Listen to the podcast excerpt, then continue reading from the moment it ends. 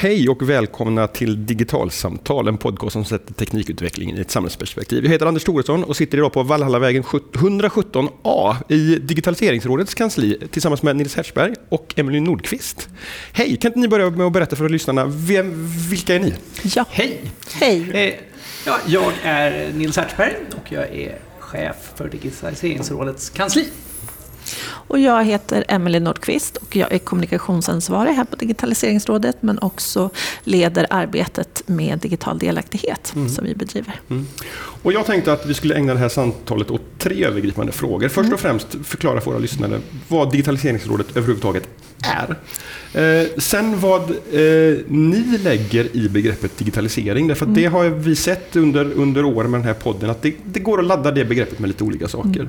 Och sen slutligen vad eh, ni ser för möjligheter och utmaningar med digitaliseringen för, för Sverige som nation. Mm. Så att vi börjar med, vad, vad är Digitaliseringsrådet för någonting? Ja, bra fråga och den får vi ofta. Eh, Digitaliseringsrådet inrättades av regeringen 2017 redan, eh, så att vi har funnits nästan två år nu. Och det var, eh, rådet inrättades samtidigt som man antog en ny digitaliseringsstrategi. Eh, Och vi består av egentligen tio handplockade experter eh, som eh, representerar akademin men också privat och offentlig sektor. Också ett kansli där vi jobbar.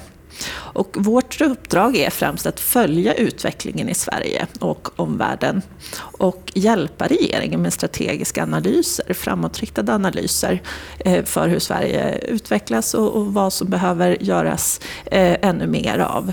Eh, Och eh, det yttersta målet är ju att vi ska bli bäst i världen på att använda digitaliseringens möjligheter. Och eh, för att vi ska veta om vi når det målet så behöver vi ju följa utvecklingen. Och här behöver eh, regeringen hjälp och stöd och vi är ett sådant stöd. Där omvärldsbevakning då är, är, är en del, är det den största delen eller är det den viktigaste delen?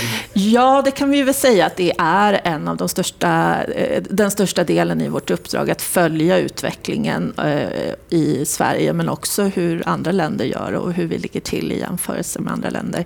Eh, däremot så, så brukar vi kort och gott säga att vi följer, främjar och föreslår. Och främjardelen är ju lika viktig i det vi gör för att stimulera eh, kunskapsutbyte, att, att vi ska också främja en aktiv digitaliseringspolitik.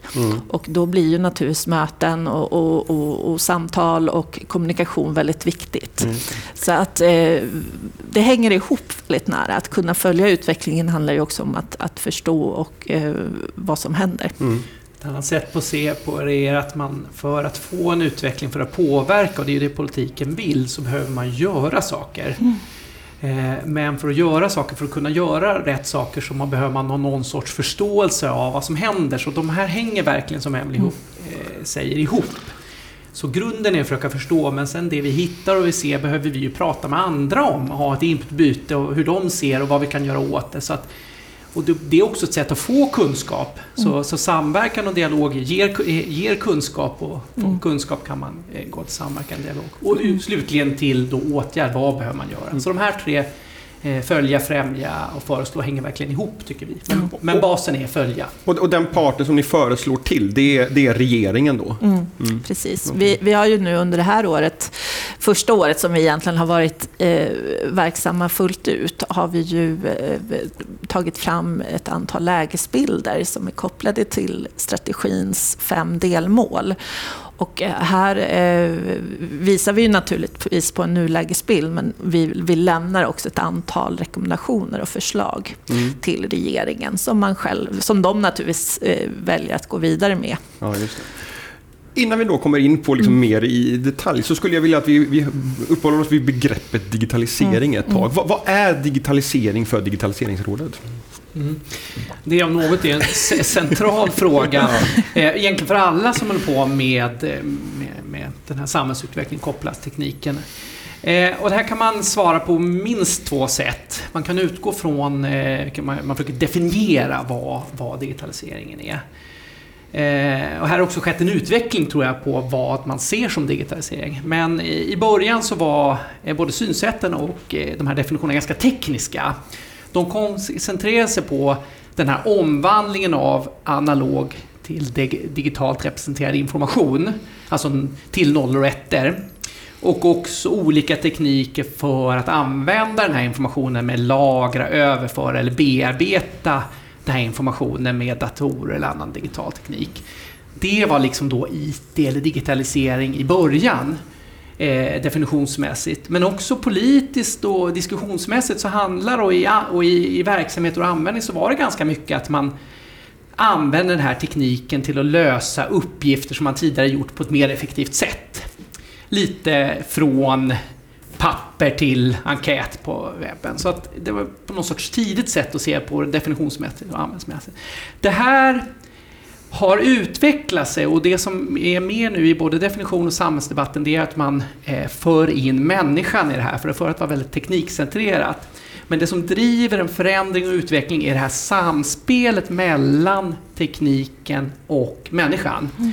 Och de mer moderna definitionerna har med det här mänskliga perspektivet. Och vi i vår verksamhet har vi ingen strikt definition som Nej. styr, men, men vi brukar, eh, vår företrädare Digitaliseringskommissionen har en definition som jag tycker fungerar bra som utgångspunkt. Jag tänkte jag faktiskt att vi skulle läsa, om det är okej, okay, även i radioformat här. Det absolut. Eh, och de säger att digitalisering innebär att digital kommunikation och interaktion mellan människor, verksamheter och saker blir självklara. Allt större delen av tillvaron är digitaliserad samtidigt som vi allt mindre grad kan skilja ut det digitala från det icke-digitala. Och det här är ju ganska, en deskriptiv eh, förklaring av en utveckling eller tillstånd där det här har kommit ganska långt mm. och är väldigt tydligt med både teknik och människadelen. Så den är mer modern och fungerar bättre. Eh, så där, där någonstans tror jag definitionsmässigt. Men, men, men någonstans den här förflyttningen som, mm. som, som jag liksom ser i, i, näringsliv och i offentlig verksamhet, att, att man går från att, att, digitalisering är ett nytt sätt att göra det man alltid har gjort, mm. till att ut, mm. utnyttja tekniken för att göra någonting som man tidigare inte hade möjlighet att göra. Absolut, så är det. För, för om man utgår från den här definitionen och sen försöker tillämpa det på vad är digitalisering för Digitaliseringsrådet och vårt uppdrag. Så eh, är vårt uppdrag att driva och stödja politiken kopplat till digitalisering. Och då behöver man utveckla det här resonemanget tror jag lite. Och då ser jag att tekniken är fortfarande viktig att förstå. Eh, för det, det är möjliggörande och då är det några saker som har hänt som har varit jätte, jätteviktiga. Det första är internet, som innebär alla till alla kommunikation. Tidigt så pratade man med varandra i stamsamhällen, sen började man hitta röksignaler och mm. telegraf, då kunde man göra över distans, en till en. Sen kom broadcasting, då kunde man skicka från en till många. Sen kom internet, och då var det många till många. Och det där är otroligt viktigt vad det händer och vad det möjliggör. Den andra är det som man tog upp, att man lagar informationen på samma sätt. Från olika analoga sätt att laga information till ett digitalt, ettor och nollor. Och det är också en otrolig potential. Och sen kommer det nu, och det är det som har hänt på sista tiden, olika tekniker för att skapa, använda de här, den här informationen. AI, blockchain, internet of things, sensorer. Mm. Så den här tekniken är jätte, jätteviktig. Det är en hörnsten i det som händer. Men det som behövs för att komma till tekniken, det går via människan och det är människan som är central. För människan har behov som man utgår från. Mm. Och kommunikation är ett jätteviktigt verktyg för, att, eh, för människan, väldigt centralt. Och då behöver man teknik, gräns, eh, snitt, perception, kommunikation. Sen har människan kreativitet, kan skapa, se saker, föreställa sig saker. Man har också ett, ett, en känsla av värden, av rättvisa, eh, människor som kommer in i det här. Och sen sist, otroligt viktigt i det här sammanhanget, så har människan en organisationsförmåga. Man kan organisera lösningar, hur vi organiserar oss för att möta de utmaningar vi ser. Det finns ju jättestora utmaningar nu med, med miljö och en åldrande befolkning och det finns också det här eh, möjligheter, vad vi vill, vad vi skapar. Så att mm. den här organisationsförmågan är otroligt central och då börjar vi närma oss den här politiken och vad rådet gör. För det är där politiken kommer in i allt det här teknikmöjligheten eh, och människans olika förmågor så, så tror jag, om man ska försöka förenkla otroligt mycket, att det tekniken behöver göra är att försöka förstå det här på en hjälplig nivå för att möjliggöra den här potentialen, både hos tekniken och människan i den här nya situationen.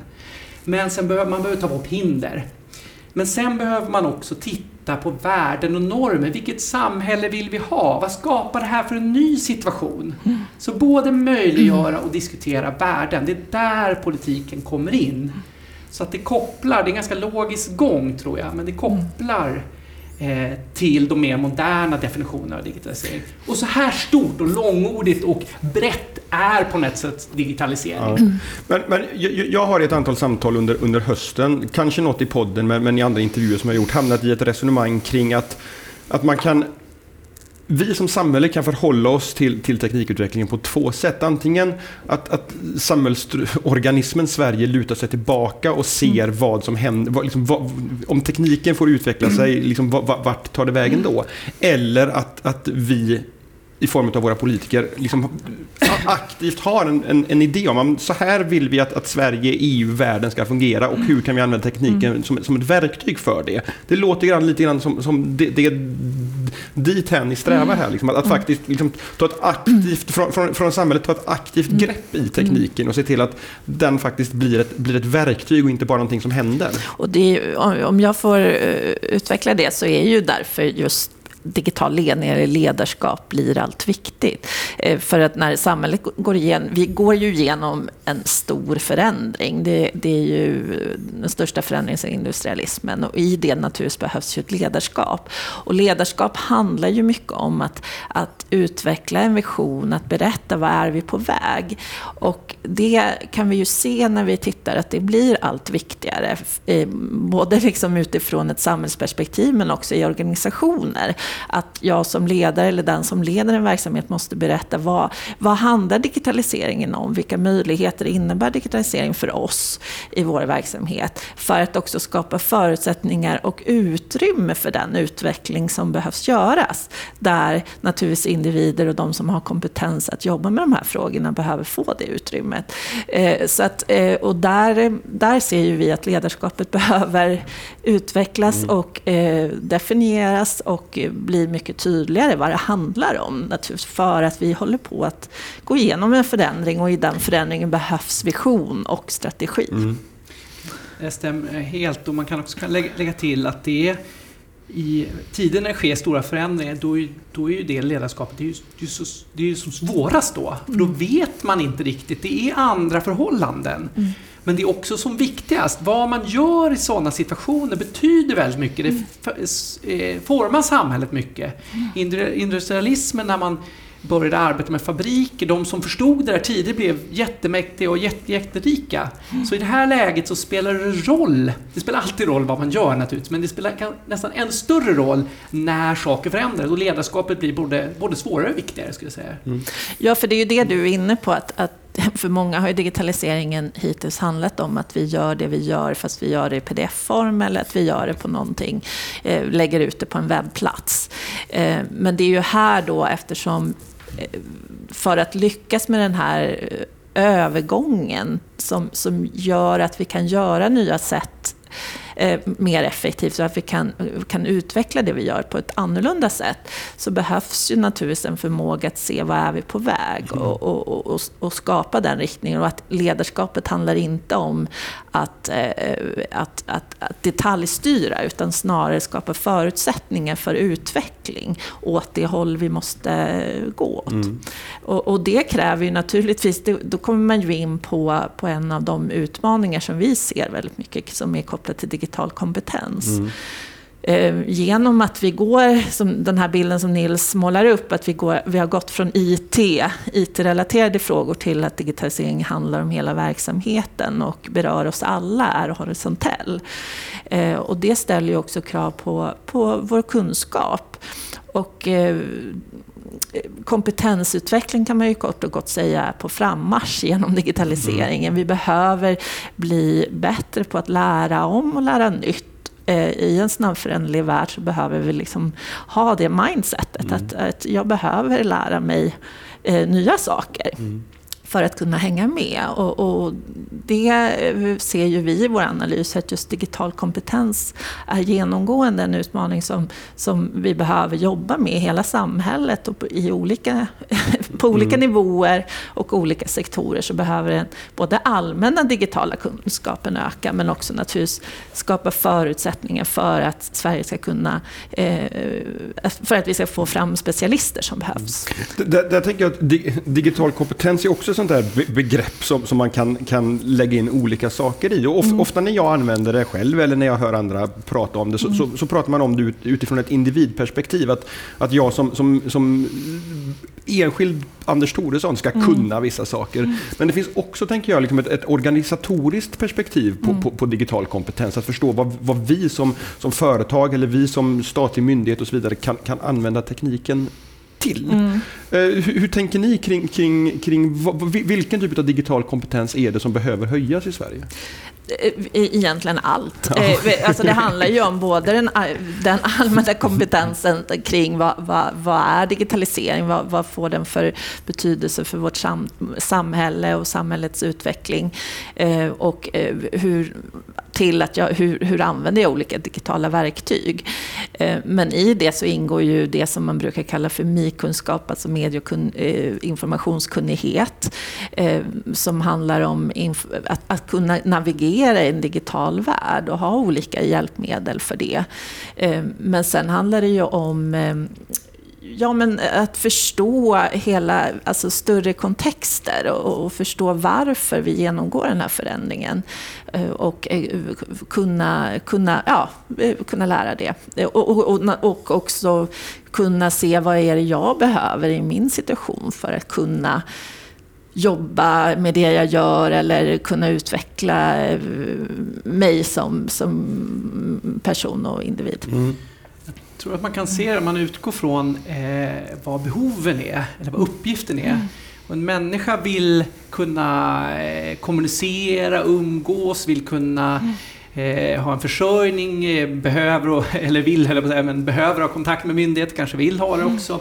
Så allt man eh, har, det man har behov av mm. som människa behöver man ha kompetensen att göra. Och organisationer har en uppgift. Oftast har de någon idé. En ideell organisation vill göra någonting. Då behöver de kompetensen för att kunna använda det här för att göra det de vill göra.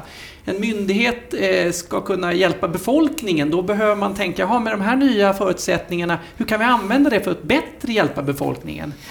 En nation har vissa uppgifter. Det är att se till att de som är inom den nationen är inkluderade på ett hjälpligt sätt, att man får eh, tillväxt, att man tar eh, klimathänsyn eller vilka politiska mål. Då måste man ha kompetensen för att använda de här möjligheterna för att lösa de målen. Så på ett sätt är det samma eh, situation. men det är verkligen så att du behöver kompetens överallt. Jag kan säga i vårt arbete så, ska vi säga en sak, så är det kompetens. Det har kommit fram, egentligen oavsett vad vi pratar om, så kommer olika kompetensfrågor fram. Mm. Och här var ju rådet också otroligt tydliga med sin prioritering när vi började. Mm.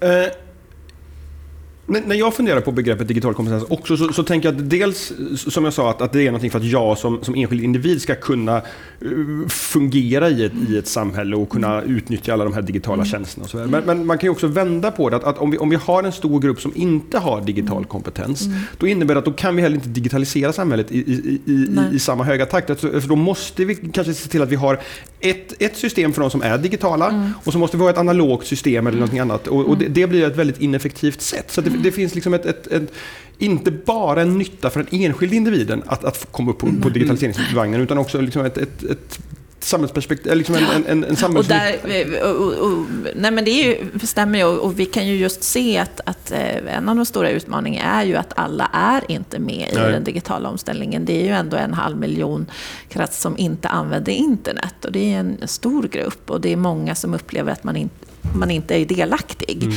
Så det är ju en viktig samhällsutmaning som inte, som inte handlar om att det är svart eller vitt som vi kommer att, att lämna på något sätt, utan kommer att behöva jobba med eh, under många år och kontinuerligt. Och precis som samhället har byggt upp strukturer för att vi ska eh, leva i en analog värld så behöver man ju hitta eh, strukturer och möjligheter i, i en, som, som stödjer en digital värld. Och, och, här handlar ju inte om allt att allt ska bli digitalt, utan det handlar ju också om att se var behövs det mötesplatser? Var behövs det dialog mellan människor som stödjer kunskapsutveckling? Var, eh, om verksamheter blir digitala så kanske inte allt behöver bli digitalt, utan det är kanske en viss del som ändå behöver vara människa till människa och att man kan träffa och samtala. Men eh, en del av utvecklingen är ju att mer bli platsoberoende. Mm. Att, att den verksamhet som har varit eh, närvarande i en kommun eller en region behöver ju inte längre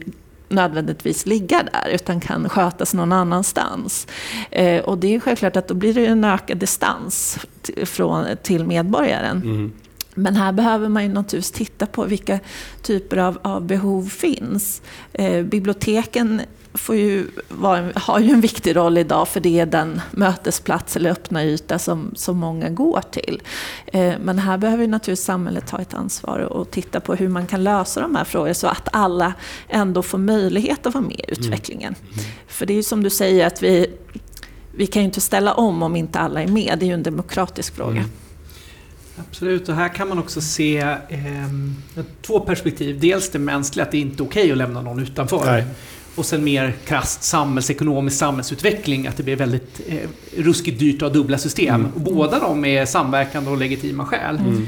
Eh, jag tror också man kan se att utanförskap och skillnader i möjligheter och förutsättningar och fördelning har alltid funnits. Mm. Och det är en av de stora samhällsfrågorna, de stora politiska frågorna.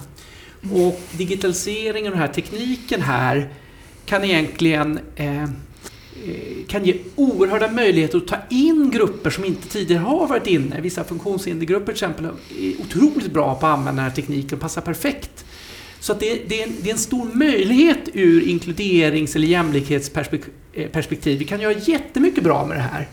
Men det kan också stänga ute folk om det blir en tröskel att använda det här. Så att tekniken finns och hur vi använder, hur vi jobbar kommer ha betydelse för om det kommer hjälpa oss att få ett samhälle som blir ett, där alla kan vara med på något sätt. Eller om det faktiskt kan göra så att grupper, och större grupper hamnar utanför. Bägge de här kan hända. Mm. Så det är därför den här frågan är så otroligt viktig, tror jag. Och att man, man ser det och att man också förstår vikten att få med de här grupperna. Inte bara för deras egen eh, utan också för vilket samhälle vi vill ha och kunna ha den här utvecklingen.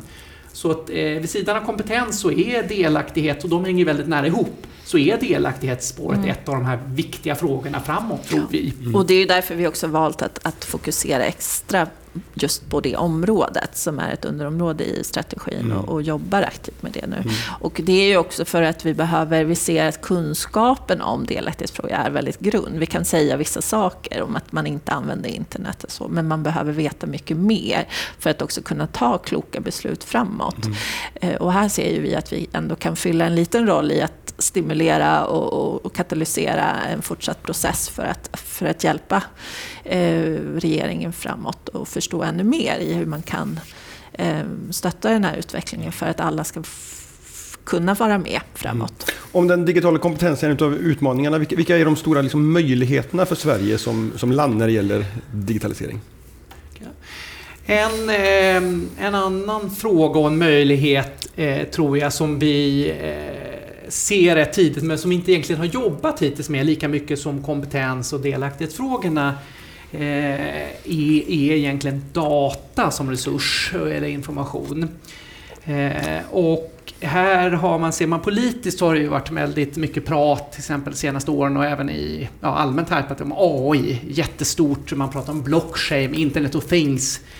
Eh, och det här är jätteviktiga saker men de egentligen är de tekniker för att kunna bearbeta, och förstå och använda information nämligen, och data.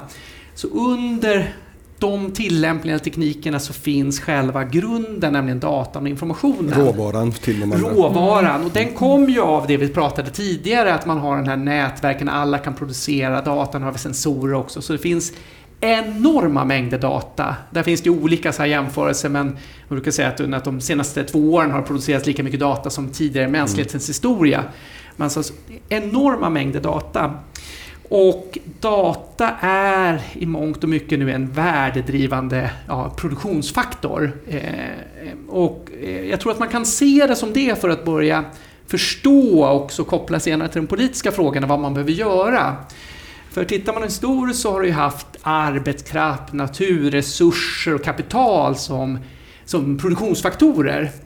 Och eh, tittar vi på arbetskraften till exempel så i, i de här tidiga fabrikerna så, så eh, sa man, då var det verkligen, eh, man anställde dem och det var ganska usla förhållanden.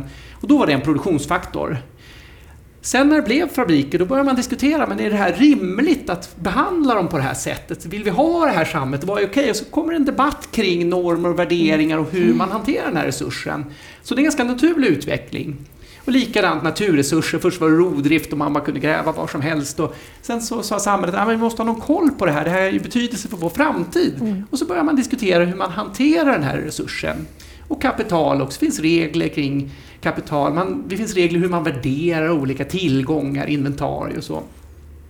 På det här sättet behöver man se data som en sån produktionsfaktor. Och det tror jag man kommer göra också. Den här debatten kommer vi få. Eh, och det kopplar ju till många politiska frågor. Eh, där till exempel eh, vi ser nu beskattning till exempel. Vad i den här världen när vi brukar beskatta arbetskraft och kapital. Men när datan då, där är Frankrike en sån reglering. Så att de här data tror jag är en ganska bra ingång i många av de här frågorna. Och det där tycker jag är väldigt, väldigt spännande. Och det där tror jag, det finns ju med i strategin på olika sätt, men det är inte jättetydligt. Mm. Och jag tror att det kan vara en bra ingång både analytiskt och politiskt till att förstå det här. Och här kan vi ju också se, kopplat till kunskap, att, att, att se data som en möjlighet och vad det innebär både eh, kanske för ens eh, affär eller för ens verksamhetsutveckling här ser vi ju att det ännu mer, alltså det behövs stimuleras ännu mer kunskap eh, kring den frågan. Vad ser man, ja, till exempel om vi tittar på eh, typiska eh, uppgifter för det offentliga, välfärd, skola, hälso, eh, hälso. Här är ju data jätteviktigt för att kunna ge en bra mm. vård till mm. Så frågor kring information och data tror jag är en jättestor möjlighet och ett bra sätt att prata om de här frågorna. Mm. Så det tror jag kommer, eh, det finns redan mycket, men att det kommer bli ännu en större debatt och mm. diskussioner kring. Handlar, handlar det då om att, att få, få eh, organisationer att, att, att förstå vilken data har de idag, vilken data skulle de enkelt kunna, kunna samla in och, eller, eller skapa mm. och hur den sen då kan, kan ligga till grund för mm. verksamhetsbeslut? Är det mm. liksom en, en Ja, alltså data är ju i sig en, en, en, en, eh, viktig faktor som driver innovation och som mm. driver utveckling. Och, här kan vi ju se att eh, Sverige ligger ju bra till när det gäller jämförelse med andra länder. Men är det någonting som, som EU-kommissionen trycker på där vi släpar är ju egentligen till exempel vår förmåga att, att eh, leverera öppen data. Mm.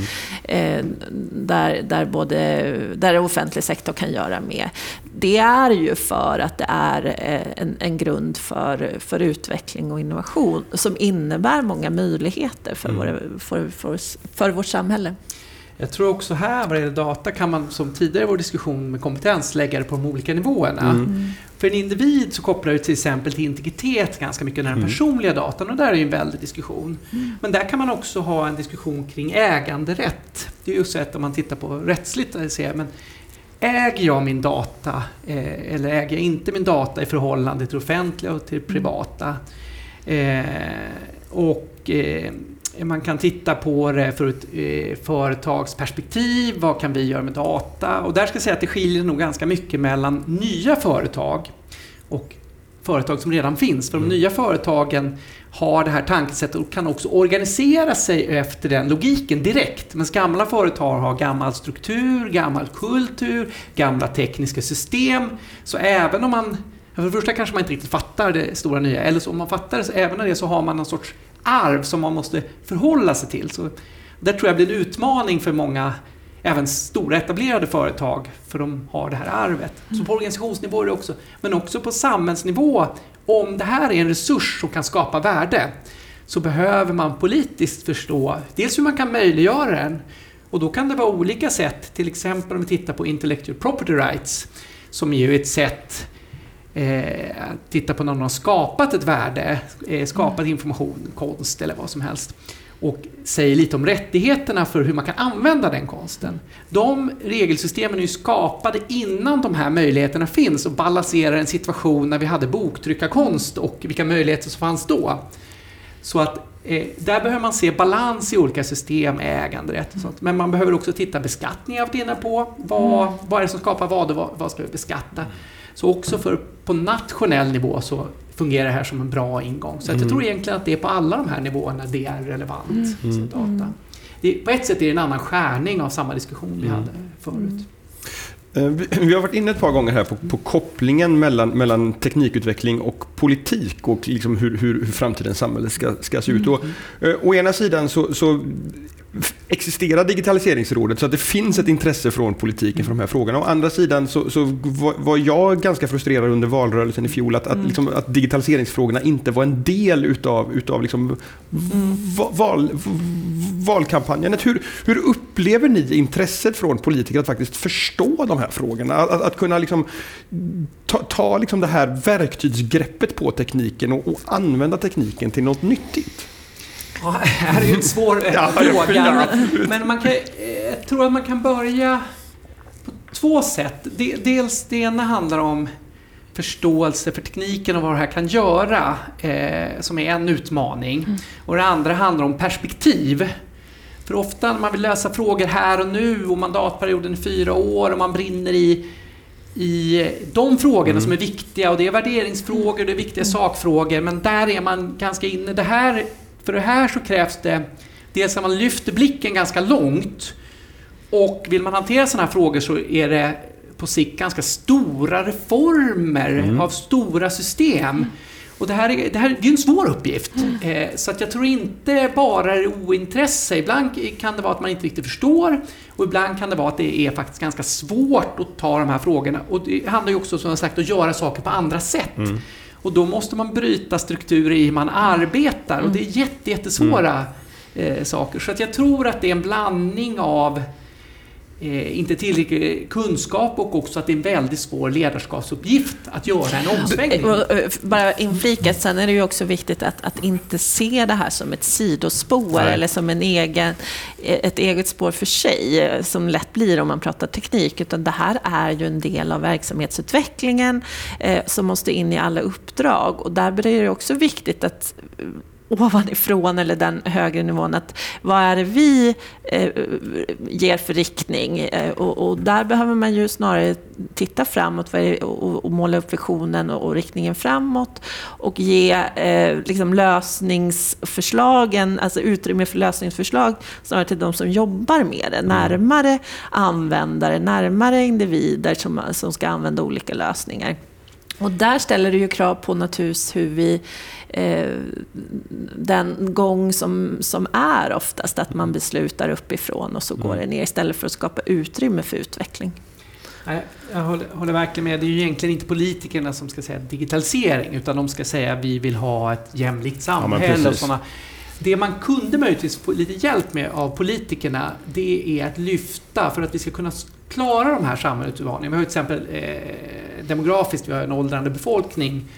Eh, för att klara dem, för att kunna upprätthålla välfärden så kommer vi behöva, tekniken är en räddning, en av räddningarna. Mm. Att, vi, att vi kan använda tekniken gör att vi kun, kommer att möjligen ha en eh, chans att upprätthålla välfärden.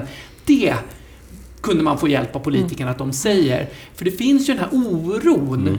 Och det kan vara en berättigad oro för det är en förändring. Och, och, men där kunde man få lite hjälp av politikerna så att man ja, Mm. fick den skjutsen att det här, ja, men det här kan hjälpa till och att det är till för att vi ska kunna ge fortsatt en bra vård. Till exempel. Och där är det ju också då att man snarare synliggör, ja men det finns utmaningar och behov som vi behöver lösa. Och hur löser vi dem? och då måste man ge de organisationer och kompetenser som behövs utrymme att hitta lösningar som passar de behoven. Och då kan det ju vara vissa typer av teknik, men det kan också vara på andra sätt, analoga sätt som löser de behoven. Så att, eh, och det är ju här någonstans kompetensen blir viktig. Vad är det vi eh, behöver besluta om och vad är det för riktningar och resurser och, och vad är det för också finansieringsmodeller som behövs i det här. För digitaliseringen utmanar ju de rådande strukturerna i att vi, vi behöver samverka på nya sätt. Vi behöver hitta nya typer av ingångar för att hitta nya lösningar. Och det är ju där samhället behöver lägga kraft. Hur finansierar vi det här? Hur, vad, vad ger vi för riktning och vision? Och sen ge utrymme till de som kan tjänsteutveckling, som kan tekniken att jobba framåt. Mm. Ja. Mm. Vad bra! Nils och Emelie, stort tack för att ni ville vara med i Digitalsamtal. Jätteintressant att höra de här resonemangen. Tack, tack så mycket! Och till er som lyssnat, eh, vi hörs igen om en vecka som vanligt nästa onsdag. Eh, hör gärna av er på podcast.digitalsamtal.se med nya förslag på gäster att intervjua. Men vi hörs om en vecka. Hej!